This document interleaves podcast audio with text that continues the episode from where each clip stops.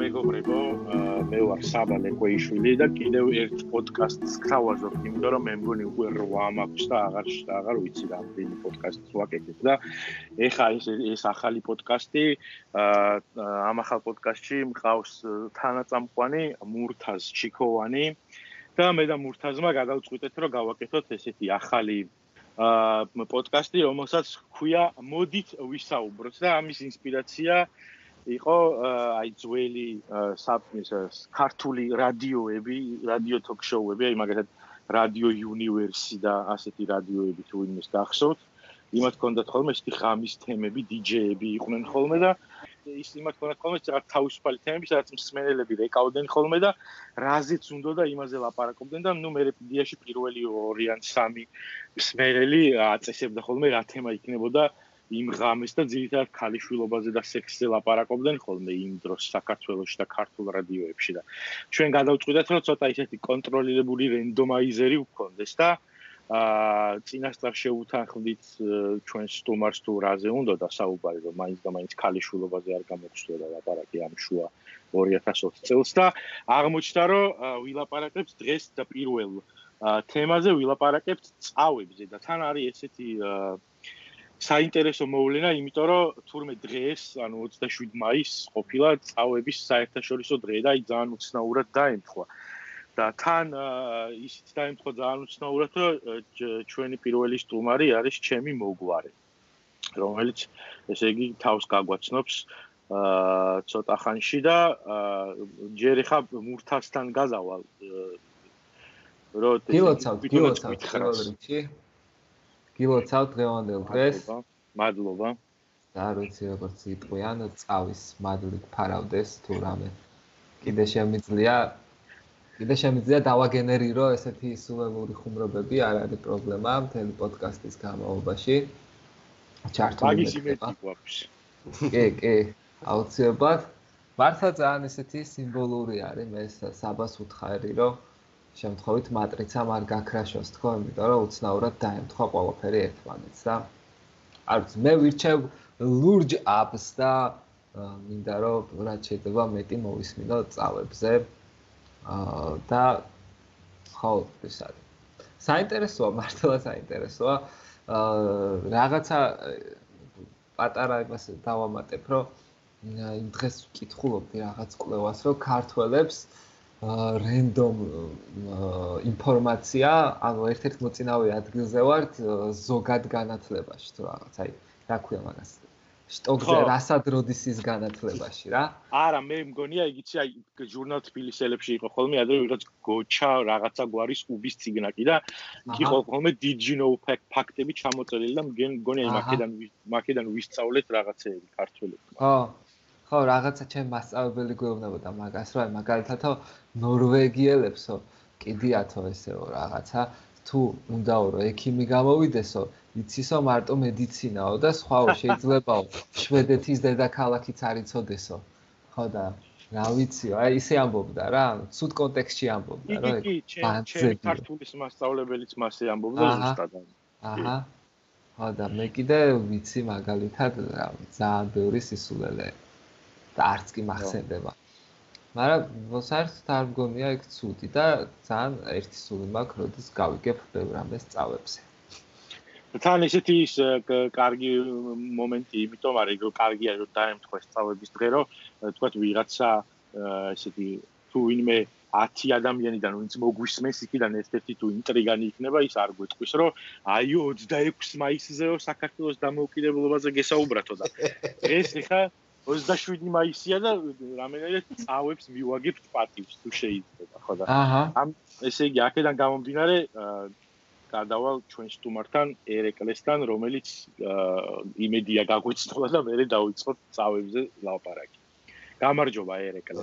გამარჯობა მომოწვევისთვის აა სხვადასხვის არის მურთი მოახსენა ეს ზოგადი განათლების საკითხი საქართველოში. დაახლოებით ეგრე მივაგენი ამ ჩემ ახალ გადაცებას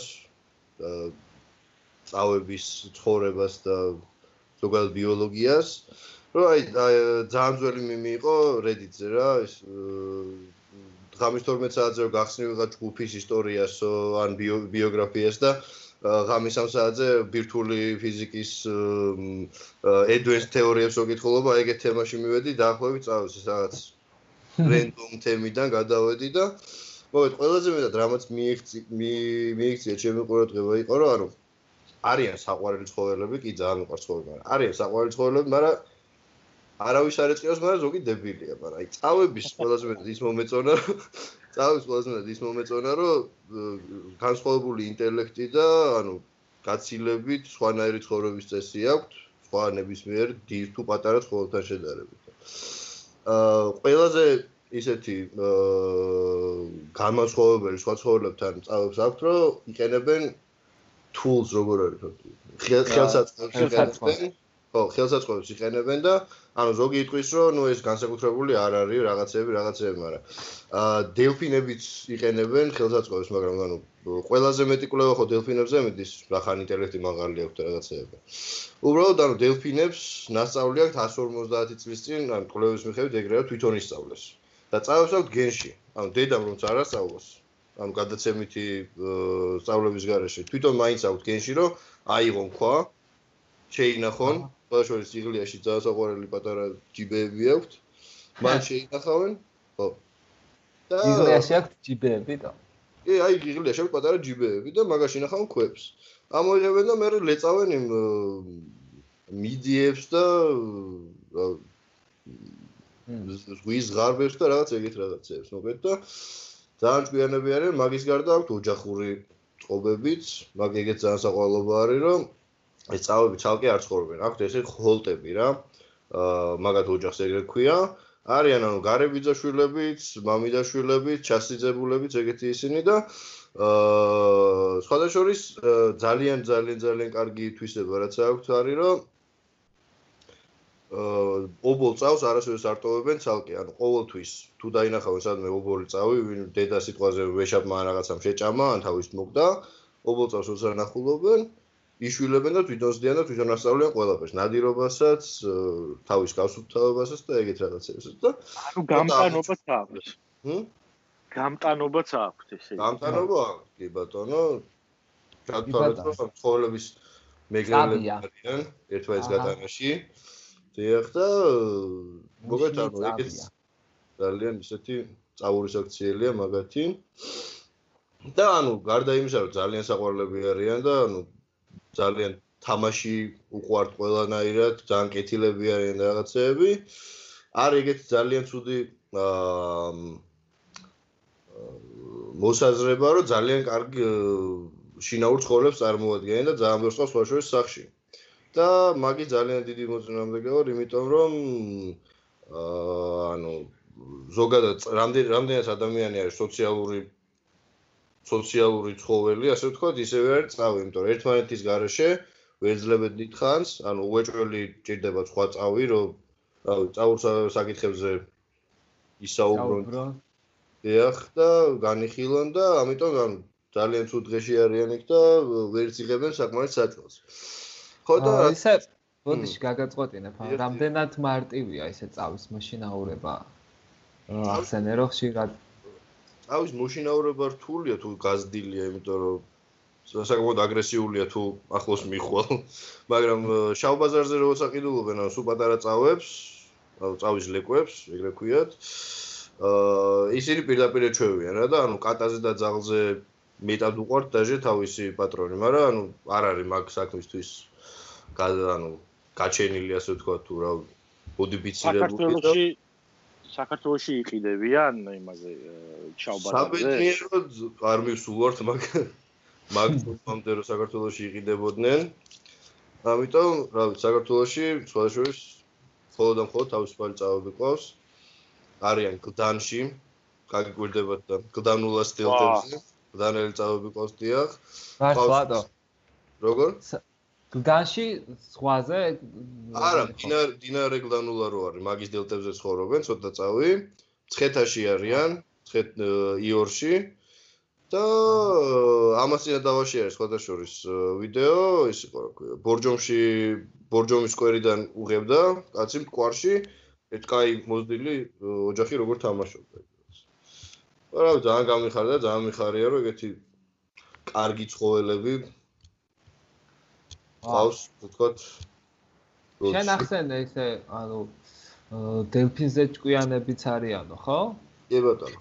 ხო და აი მაგაზე მინდოდა ტიპი ანუ შენ თქვი და აი დელფინებმა ისწავლეს თავისი და ამათ გენეტიკურად მოყვებათ ანუ იდეაში აი ეგრე გამოდის რომ აი მესიზე და რონალდოზე რომ იდის ხოლმე კავათი რომ მესი ნიჭიერია და რონალდომ შრომით მიაღწია ამდეს დაახლოებით იგივე ვარიანტი არის ანუ წავები არიან იმისი რა ცხოველთა სამყაროს მესები თუ ანუ ეგრე ზუსტად. ანუ როგორც ვერასოდეს ვერ მივლენ კონსენსუსამდე მაგის ანუ მოპირდაპირ მხარეები ისე ვერ მივალთ კონსენსუსამდე სხვასთან რომ დელფინი უფრო ჭკვიანი თუ წავე მაგრამ იდეაში მე სუბიექტურად დელფინებში არიან ირინა შეიკებინა აა ხო ხო ხო და ეგეთ ხო ეგ გამახსენდა რომ ეგეთი რენდომ ფაქტი ვიცი რატომღაც რომ რეკრეაციული მიზნით ანუ გართობისთვის სექსით კავდებიან მხოლოდ ადამიანები და დელფინები და წავებში როგორ არის ეგ ამბავი? წავებში როგორ არის, ხო?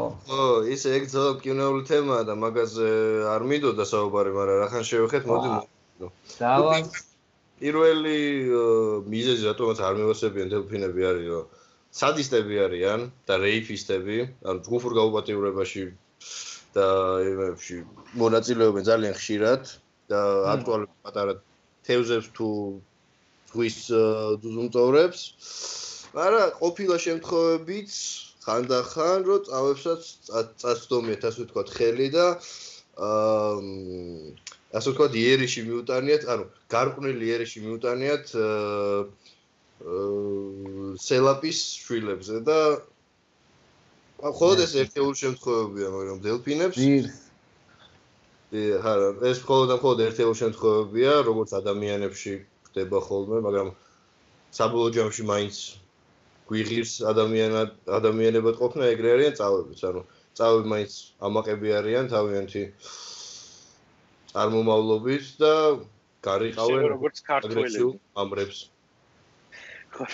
არა მან ეხა ეგ გასაგებია ჩვენ ხა წავებს მაგას ვერ მოვთხოვთ რომ ისა რა ქვია. სოციალ სოციალურად პასუხისმგებლიანი არსებები იყვნენ ჯერჯერობით ანუ ჯერ მარტო ის არა საბა ეხა გამახსენდა ტაისონი იჯდა რეიფსზე და მოიხადას როკი და რო გამოვიდა მთელი ამერიკა. მაიქის ბეკ მაიქის ბეკ ესეთი ხოთე იყო. ეგ ხო ალბათ აუში რაღაცნაირად გაივლის ეგ გამბავ ხო გოდიში გაგაწყვეტინე პროსტა აა ისმა ხო დელფინებზე დელფინები როგორც ვიცი ადამიანების შემდეგ ხო ყველაზე ინტელექტუალებად ითვლებიან და დაჟე კონსპირაციაც არსებობს, რომ დელფინებს შეუძლიათ იყვნენ სამყაროს ბატონები ადამიანების შემდეგ და პროსტა კიდიათო. და არა, მე ძემე იგივეს ვეთქო და თავებზე. კონსპირაცია სხვათა შორის არ არის, ეგ ანუ მაგალითად ესეთი რაღაცა კოლევა იყო მე მგონი ერთი 5 წლის წინ, რომ ხელები რო კონდეთ დელფინებს, ანუ მაგრა დაგვენძრეოდა ადამიანებს, ანუ იმდენად ჭკვიანები არის რა, ხო და. ხო, ანუ შეუძლიათ რომ გვებაზრონ, პრო სხვადასხვა სიხშირეზე ვართ ჩვენ დელფინები. AM-ი და FM-ი რა. ხო, ხო, ისინი AM-ზე არიან, მე მგონი, თუ FM-ზე არიან. ანუ ხო, ვერ გავაგებინებთ ერთმანეთს ესე. ხო და. წავების თუ ეგეთი ჭკვიანები არიან, ყვარში რა უნდათ, კაც.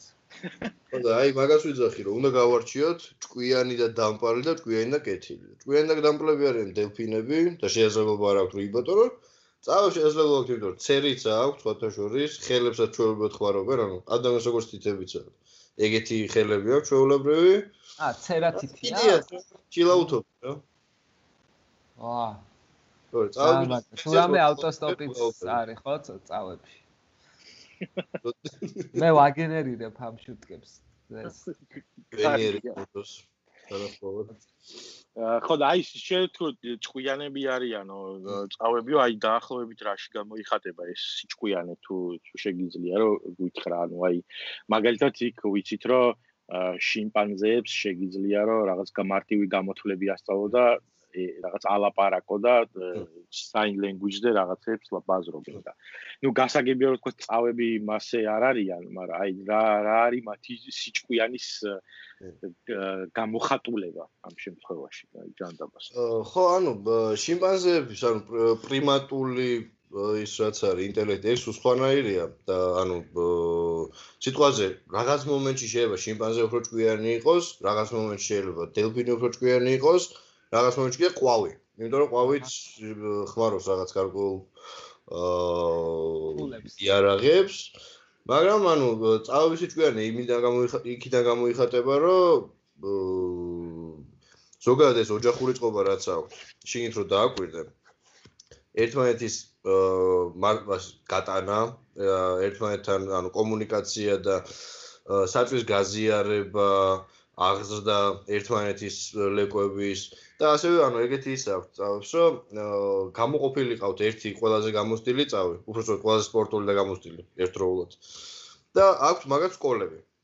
და ეს ერთი გამოსტილი წავი იყვანს ამ ახალდაბადებულ პატარა წავებს და ასწავლის ცურვას ნადირობას და მოიცა რაღაცას რაღაცას გვატყუებ ხა შენ მულტფილმს გვიყვებ რაღაცა მულტფილმს წავის სულს გეკითხებით ეგ ვაა ყავთ ერთი გამოსტილი. რა Netflix-ის ბორდი კი არ ვარ თან, კაცო, რაღაც მერთა ჩემ. ეგრე. დები პრემისი გითხრა. რა, საინტერესოა გაქცევი, ხო? კეთილები და ჭკვიანები ერთად რო არიან, მაგით ვარ ყველაზე განსაკუთრებული ცხოველი. ანუ ეხლა ამ პანდემიის დროს Zoom-ით აკეთებდნენ მაგ ტრენინგებს, თუ რა რა. აა, ჩა მე მოჩასლახობდნენ რაღაცებს. აა ხო. ან სახში ასავლიდნენ ბავშვი, რავი, არ ვიცი. ანუ როგორც გავიგე. ან შესაძლებელი გითხრა. გამოცდილ წავი ხსნის რაღაც ტრენინგ ცენტრს. დიახ. და ახალგაზრდა წავებს ასწავლის სხვადასხვა რაღაცებს, ხო? უზიარებს გამოცდილებას.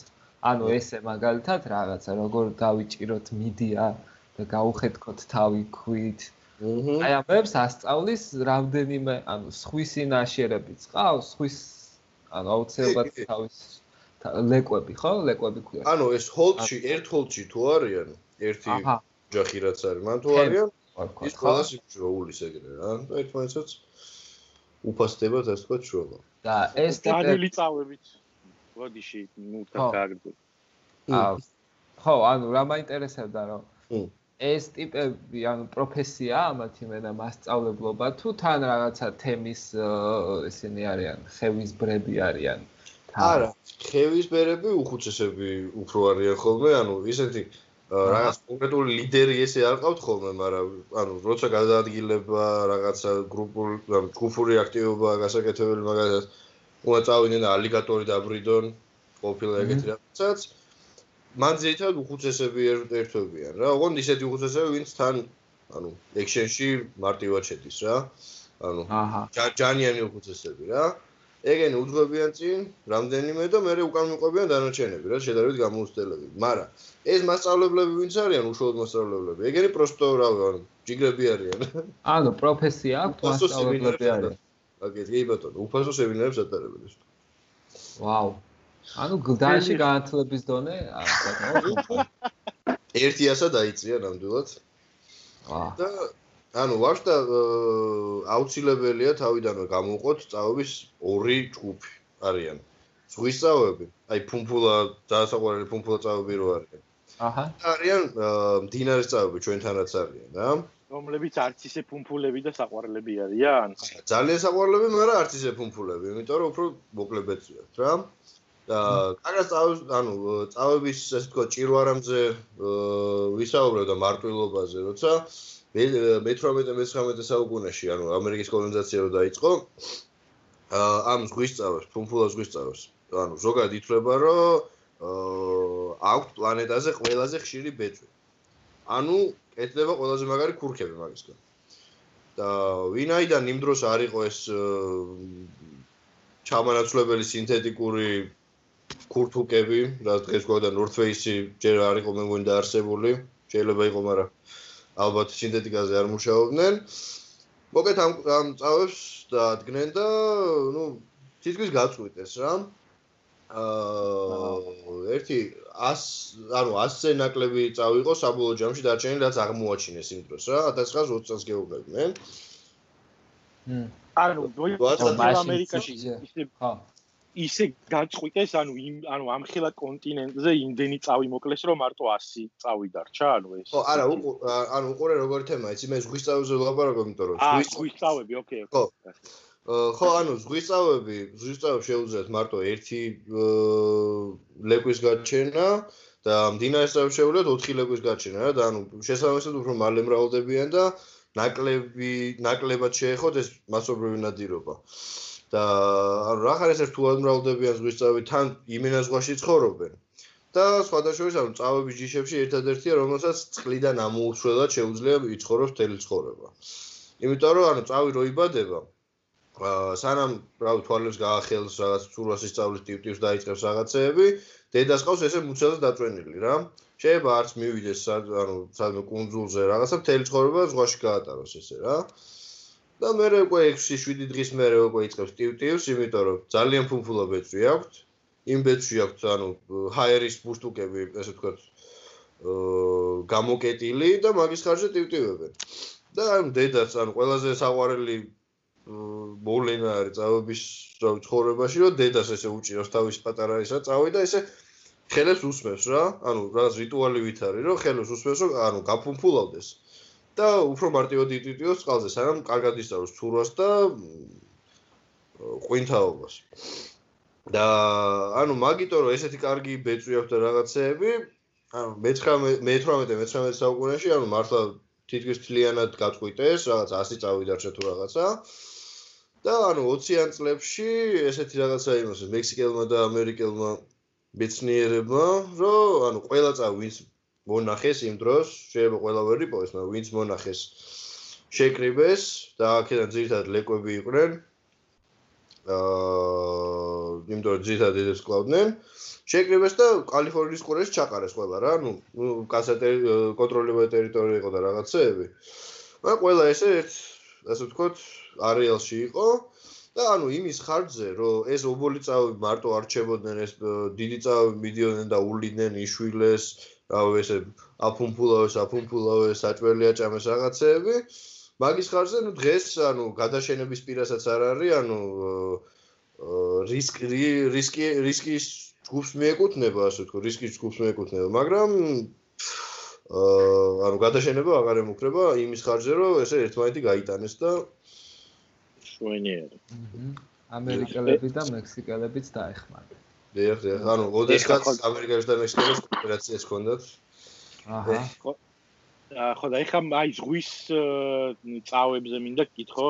აი ახლა ხა გუდანში, გუდანულაში ბინადრობენ. აი თემქას და ვარკეთილს რო დავეხმაროთ და თბილისის ზღვაზე რო ჩავასახლოთ რამდენიმე ზღვის წავი შეიძლება თუ არა აი. გაძლებენ თუ არა თუ მაინც და მაინც მარილიანი წყალი უნდათ და მაინც და მაინც მექსიკელებთან და ამერიკელებთან ურთიერთობა. ანუ ახალ ახალი ზღვის სოფელი რო არის, ანუ ზღვის ზღვის სოფელი თუ რასახია მაგას, თუ ზღვის უბანი, ხო? მან შეგვიძლია რამდენიმე ეთნიკური მექსიკელი ჩავასახლოთ, რომ უფრო აა სახში იგზნონ თავი და რა რამდენიმე ერთეული შეგვიძლია ვთქვათ. აა მექსიკელი ხო, ანუ და ანუ გაძლებენ ესე იგი, მაგ რამე რო იყოს. კი, მტკნარწყალში გაძლებენ, მაგრამ აი დანაწაოს რო დაეჯახებიან ვინ მოიგებს მან დარუცუბო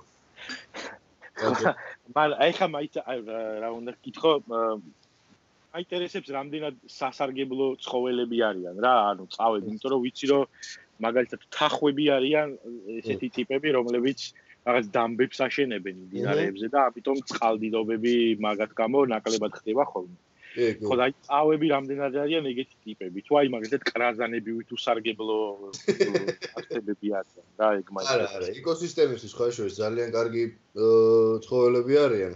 ანუ გამოყოფთ ანუ ზღვის წავს სალკე ვიტყვი და მდინარის წავს სალკე ვიტყვი იმიტომ რომ ზღვის წავი. აა კელპებს ეძახიან არის ზღვის კომპოსტო ზღვის მცენარეულობა რაც არის რა რაც იდეაში ჰაერსაც გამოიმუშავებს და ზოგადად ანუ ეკოსისტემისთვის ძალიან მნიშვნელოვანია მაგის პირველი მტერი არის ზღვის ზღარბი. და ანუ ზღვის ზღარბი თუ გინახავთ არის რავი ანუ ჩვეულებრივ ზღარბზე გაცილებით უფრო მაუნე ვიდის, ასე ვთქვა, და მთლიანად ეკლებით დაუბრუნდა ხავე. ხო, მეც მეც Google-ა. სი ერჩინ ქვია. ეს ხო და ანუ ერთადერთი ერთ-ერთი იშვიათი ცხოველია, რომელსაც არ ყავს სხვა ბუნებრივი მტაცებელი გარდა წავისა. იმიტომ რომ წავის ისეთი ძლიერი კბილები და ის გამძლე გამძლე ხელები აქვს, რომ იღებენ და კბეჩენ რა ჩვეულებრივად. და ძალიან ანუ ძალიან მნიშვნელოვანი არის ბაკელბების სიცოცხლისთვის, იმიტომ რომ ეგენი ანუ ეგ ზღვის ღარბები აზიანებენ და ჩათვალე ანუ ეგ ზღვის ღარბები სადმე რომ მომრავლდნენ როგორც პარაზიტი, ძალიან დიდი პრობლემა შეექმნება ზოგადად მიკრო ეკოსისტემას იმაში რა ქვია ოკეანეში და წავები მაგას ეხმარება როგორც ზღვის წავები.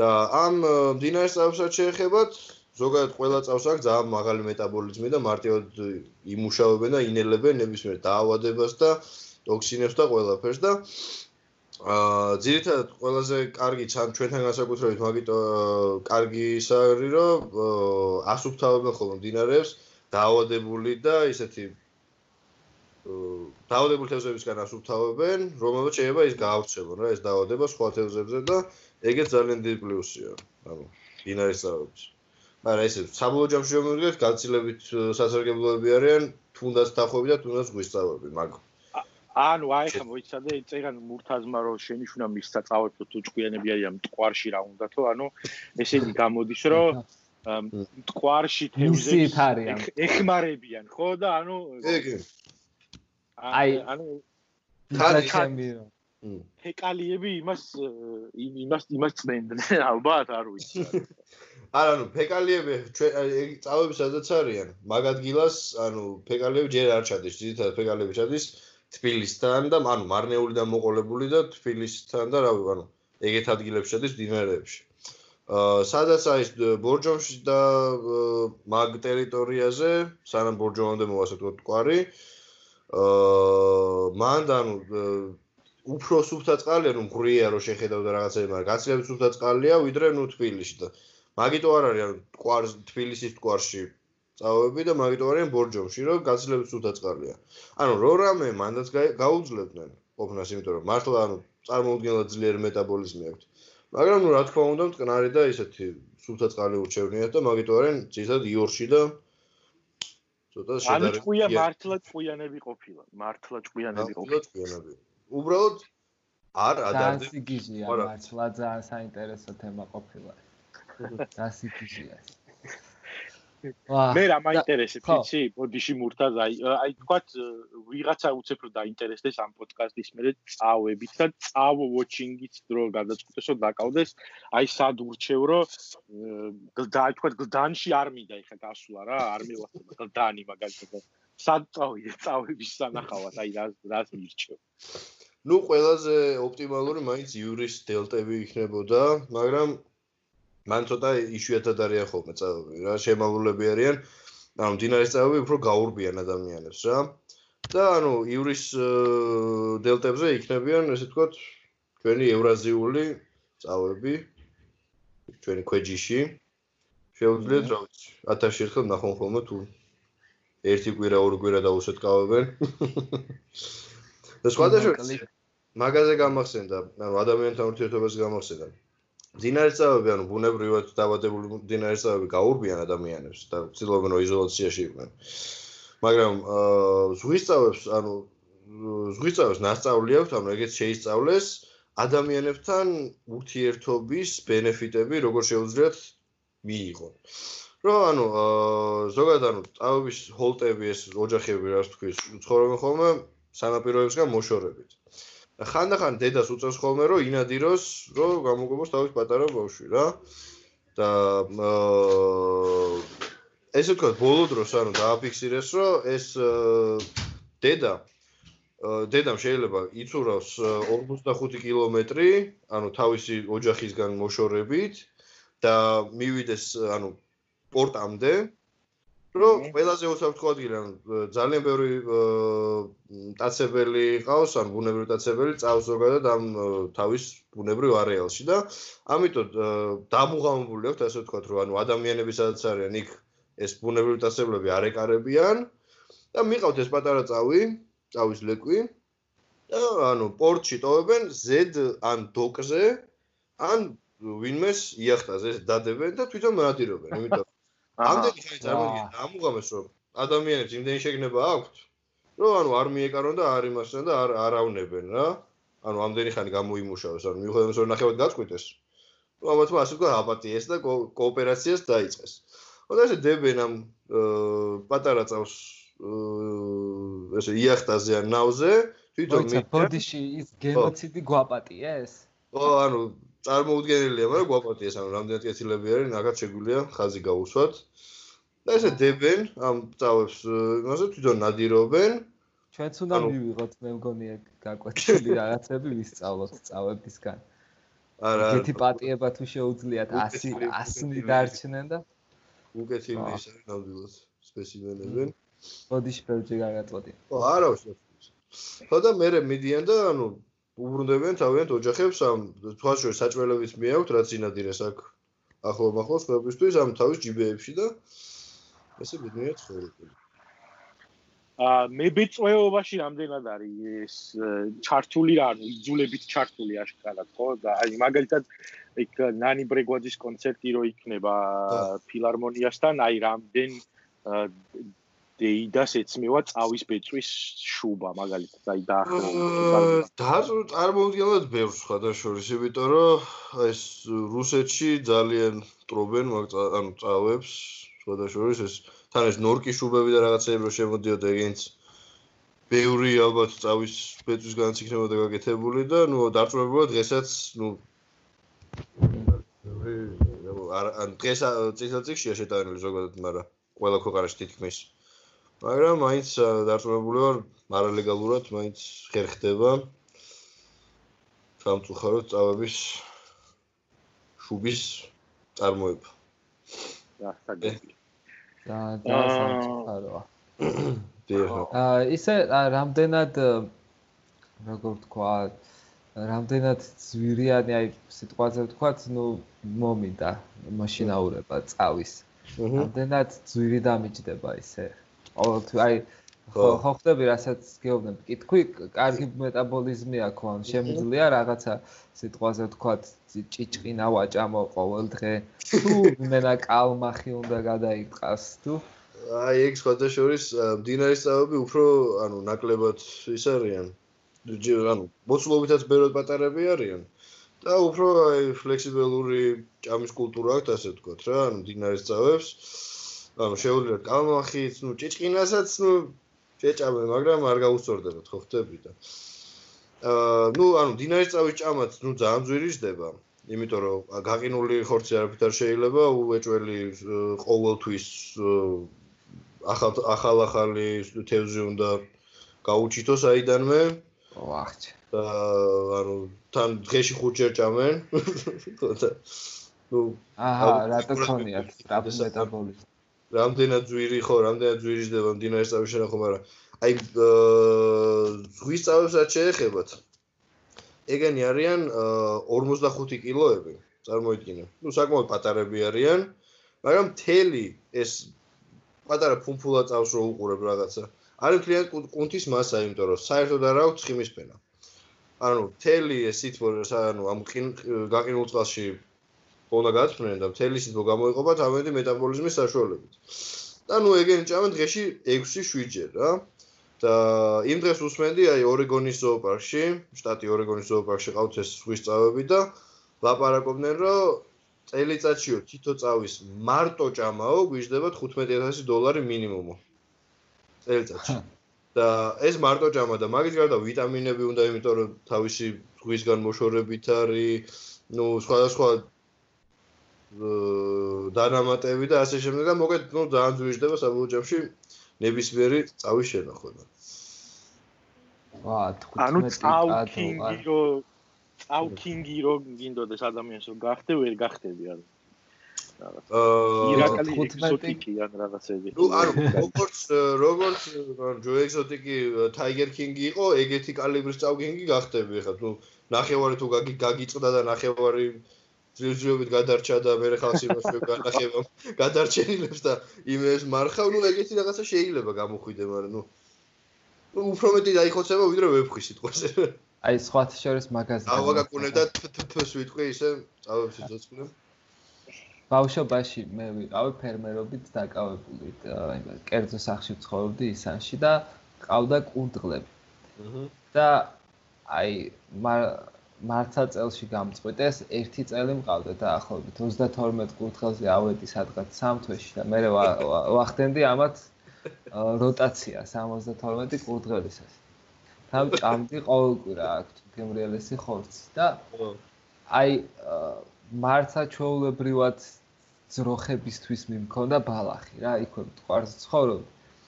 აი იმდენ ბალახს ჭამენ დღის განმავლობაში, და ინდეს ჭამენ, ანუ ჩვეულებრივად სკოლაში გრეიდები და დამივარდა ავიმე უნივერსიტეტში ვეღარ ვაბარებდი, ან თლიანად გადართული ვიყავი კურდღლებზე და თან აი ძალიან პრეტენზიულები არიან, ყველაფერს ყველანაირ ბალახს არ ჭამენ. მე კბილი თუ ატკივდათ ერთხელ.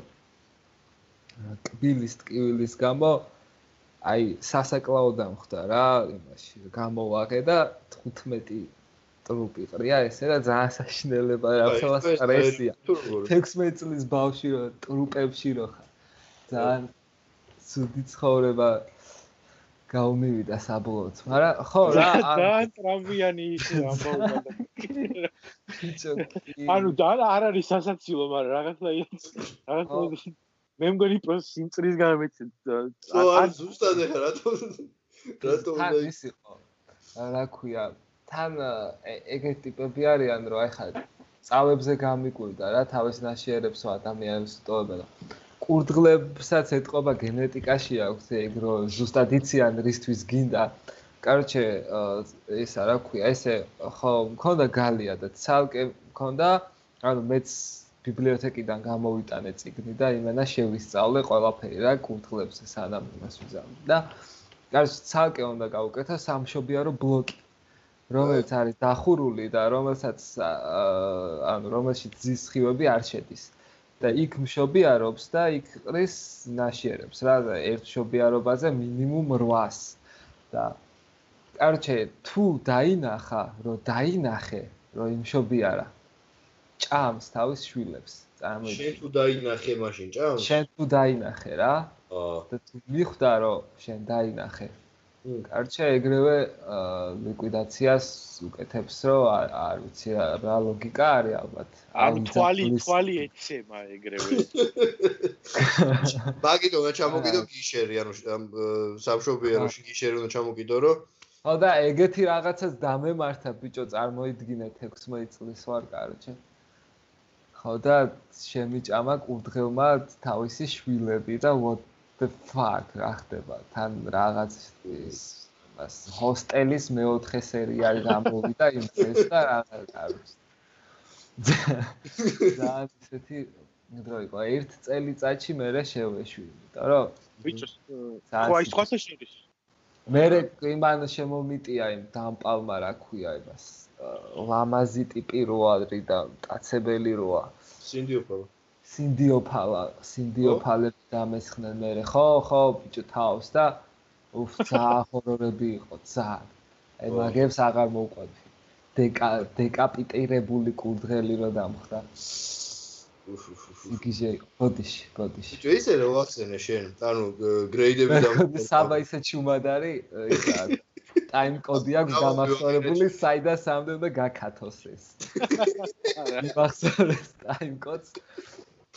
ისე ნაჯახი ეგრეო.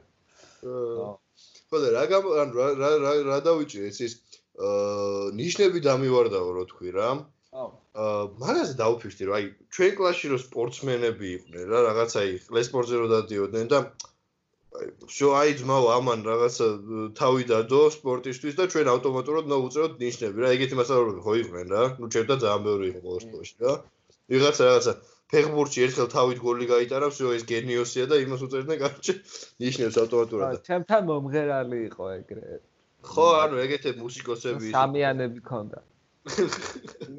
მე მაგარი ნიჭო კლასი მყავდა ბიჭო და თან არ და არავინ ხუთოსანი არისო მე მგონი. აუ მაგ სპორტსმენებზე გამახსენდა ბიჭო ეს რაგბი ხო ჩვენი თამაშია და. აბა რა.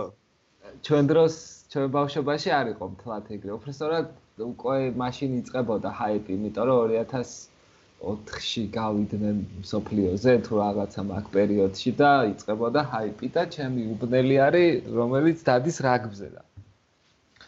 კარჩე ეს ბავშვები გამოდივართ ეს რა ქვია, ყოველ დღე ფეხბურთს ვთამაშობთ, ანუ ერთი ჩადგება კარში, თქვა თუ სამი კაცი ვართ, ანუ ფეხბურთს ითამაშებ, ფეხბურთს რამდენიც არ უნდა იყოს, ხო? და რაღაცა ერთი ჩადგება სტოპიაც ითამაშებ ან რაღაცა რა. ან ის ვიღაცებს კალათბურთი ევასებოდეთ, ფარსეს როდნენ რა და ეს ჩამოდიოდა მარტო, რა თქმა უნდა არისა და ეს დადგებოდა და ბურთს ააგდებდა ზემოთ დაიჭერდა. ააგდებდა და ანუ ეს იყო რა.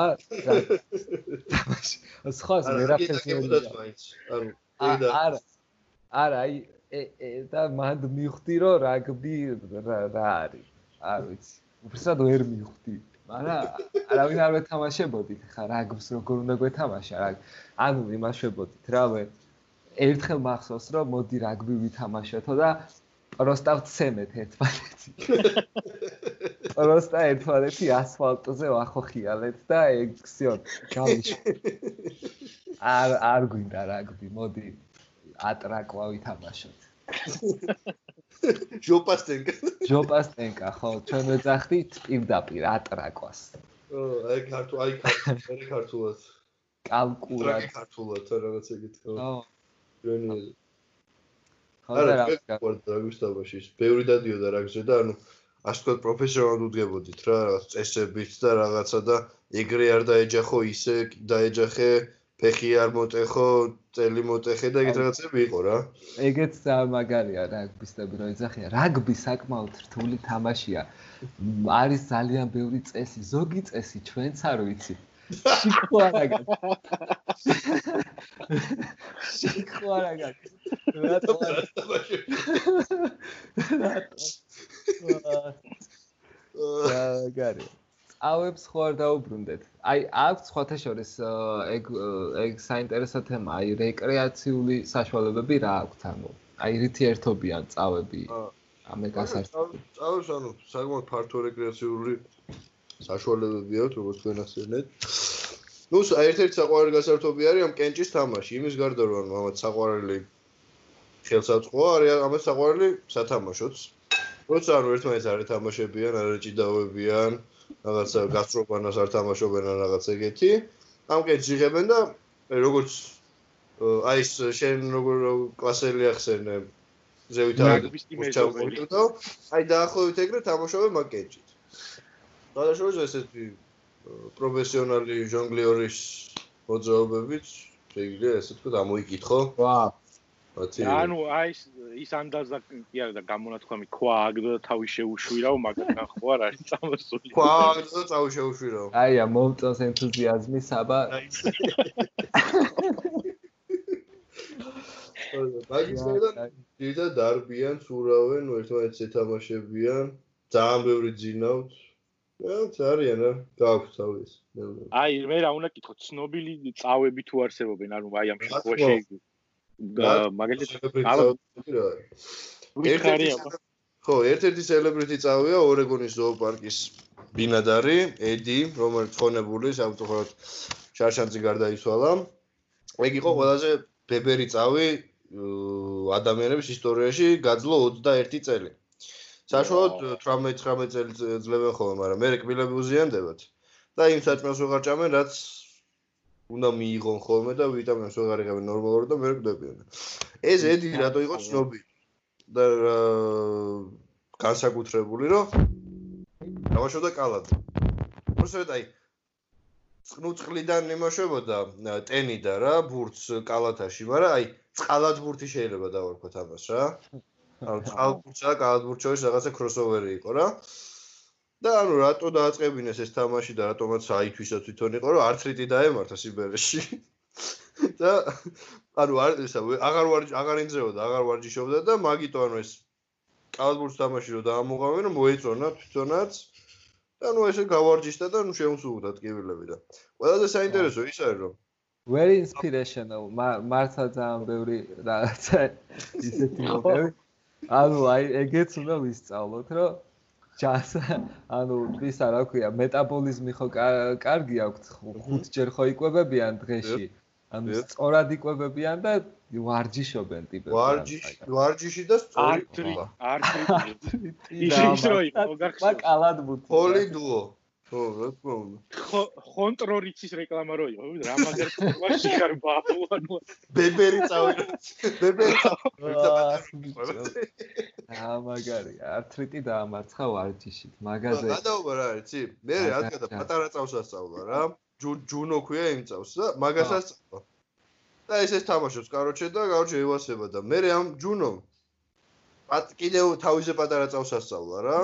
და ესე მიყვება ესე თქო ორეგონის ზოოპარკი სხვადასხვა თაობებს და შეიძლება გენეტიკაში წავიდეთ ხო მერე და ჩვეულებრივად გენეტიკაში წასვლა ძალიან დიდი ხნის ამბავია პროსტო ის არის რო ქვია აი კულტურა შეიძლება ჩამოყალიბდეს რომ რაღაც თავისი ზაზაფაჩულიები ან აა არ ყოიშულები ან რაღაც ეგეთი ისინი ყავდეთ რა ეგეთ რაღაცებს შეიძლება და შეიძლება ოღონდ რა ჩატენის აუთა კატუჩოს ეს რო ეს თქო nothing easy Nothing easy. Wow, nice. Nice. გლდანელი, გლდანელი კალათბურთელი წავები, აა, ექნებიან ძალიან საინტერესო. მე ძალიან ძალიან მომეწონა, რომ გლდანში ეს წავები მყავს და ანუ რაღაცა მინდა რომ ამ იმაში ჩავრთო რა, სოფლიო წავურ ცხოვრებაში. ბიჭო, ხო, აი მე მაგალითად, აი არ ვიცი, არ და არ გაგიწყდეს აზრი ერეკლეს თავაზობ ესეთ იდეას, აი ეს ჯგუფი კი ხოდება spend four seasons in Georgia და რაღაცები. Google Maps-ში რო დავამატოთ პოინტი, სადაც წავები ცხოვრობენ გლდანში, გლდანის ის ვარიანტი. ღირსშესანიშნაობები რამდენი იცი, რავი? ჩამოდიან ეს ტურისტები და აიყვანენ ნარიყალაზე ახრიგინებენ, ჩამოვლენ სოლოლაქს შემოივლიან და აო იქ თბილისი ეს არის და ყველას უდევს ვახტანგ გორგასლის ძეგლის სურათი. წარმოიდგინე, რომ წაიყვან და წავებს აჩვენებ გლდანში წავაგარია ძმა. ხო და რაღაცა შეგვიძლია მასკოტად გავიხადოთ წავები, აი როგორც ხორვატიას აქვს. რა ხორვატიაში სხვა შორის ანუ ზაგრებში აქვს ძალიან ესე ძალიან უყვართ მან წავები და სხვა შორის რამდენიმე გაჩერებასაც ქვია, ანუ წავების სახელობის გაჩერებები აქვს ესე. და ჩემო მეგობარმა ჩამომიტანა ხორვატიიდან წავის ძალიან საყვარელი პლუში, რომელიც არის 100%-ით ეკო-ფრენდლი, ანუ გადამუშავებული ნაწილებისგანაა შეკერილი და ამ 15 ევრო რაც გადაიხადა ამ წავში, წავის ფიგურაში. გადაერცხება მთლიანად წავთა დახმარების ცენტრს. ანუ ეგეცა. ვაა. ვაა. და აი შეგვიძლია რაღაცა ნელ-ნელა მოხოდოთ, მოხოდოთ და ესე აი გაჩერებასთან დაკავშირებით და დრამება და ეგეთი იდეა რომ რა ვიცი თბილისის მერიას მე ხმა მივაწვდინოთ ერთად და აი ყოველ 27 მაისს მაგალითად დანში ახმეტელის სადგურსო წავის სადგური დავარქვა საბადო ევერნესი აუწია ხო და აი სხვათა შორის ეგ მინდოდა მეკითხა რომ აი მასკოტად გავხადოთ თვით თუ საქართველოში ეხლა ვიკიპედიაზე გადავიკითხე რაღაცეები წერან სანამ ჩაერთვებოდი და ვიცი რომ გავრცელებულები არიან მაგრამ აი საქართველოში თუ არსებობდა რამენაირად კულტურული ან რაღაც აი ცხეთის მაგალითად გერბზე რო თხარი თუ რაღაცა გამოსახული ცხwari თუ რაღაცა აი ეგეთი ეგეთ პონჩი წავები თუ არის ქართულ კულტურაში სადმე საერთოდ. ან ფრესკაზე თუ არის სადმე წავი გამოსახული რამე აიგი. ანუ ქართულ კულტურაში შორის ანუ ასე თუ ისე ვერ ყვევი, მაგრამ არ მახსენდება წავის დომინაცია რამე საკითხში. ერთადერთი მახსენდება ეს საკმაოდ ჩახლართული ამოცანა არის. აი მოგიყვებით და თუ გამოიცავთ რა, აი წავი და მელა წავიდნენ ტყეში. მოვიდა მელა, ვინ დარჩა ტყეში. აი აი ეს გამოცანა არის ხო ვინაში აჰა ვაუ აჰა აჰა აჰა. დავიდა მელა დავიდნენ ტეში ვაუ ხო და აი ერთ-ერთი ეგ მოხსენდება ქართულ კულტურაში რომ წავიან ახსენებით თორე დანარჩენში. აი არ ბექა დამაშვილი რომ გამოცანას დაწედა და ახო ეჩი. ო, იმას იზავდა. გააბოლდებდა იმას.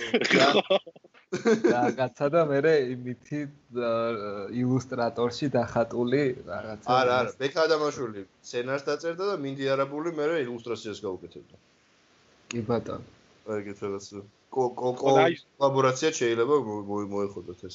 სხვათა შორის კარგი კამეოა, ეხა შეიძლება თქვი აი ილუსტრაციები და სცენარი, ანუ აი წავებზე ის ბევრი რაღაც კარგი მოგვიყევი, მაგრამ განსაკუთრებით დამევასა ის პონტი რომ აი მასშტაბლებლები არიან და დაჟე კალათბურთი უსწავლებია იქ ედის იმისთვის ხო და აი არ მახსენდება საერთოდ სახელები დამომახსოვს ხო ჯუნო. აი არ მახსენდება რომ რომელიმე დიდ კომპანიას Disney-ს ან DreamWorks ან ვიღაცას ფილმი გადაეღო წავებზე. ან წავი პერსონაჟი ყოლოდეთ და ანუ არის ეგეთი რამე საერთოდ თუ რატო არ არის ბაშოს ანუ მანდაც ჩემ კლევებში ფიგურირებენ ეს ცნობილი მულტფილმები და ანიმეებიც, რომ სადაც წავები ესე ვთქვათ, რა ეპიზოდურ როლებში არიან. ერთი არის Finding Dory-ში არის.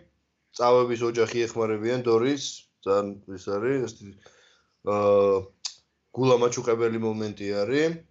და ერთი მახსოვს კიდე აა ზოოტოპიაში არის აა მეცა ხო, აი ზოოტოპიაში პირველი ვინც გაწობდება, პირველს ვისაც იპოვენ გაწობებულს. აი ეგ არის მოიცე გვარად არის მაკ ოტერსონი თუ რაღაცა რა და წავი წავი და წავი შვილი ყავს და რაღაცეები რა.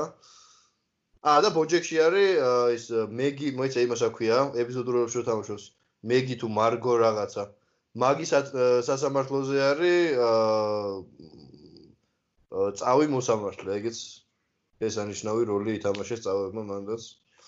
ანუ ჰოლივუდში შეგვიძლია ვიხილოთ ეს თქო. წავებით. გასაგებია. გასაგებია.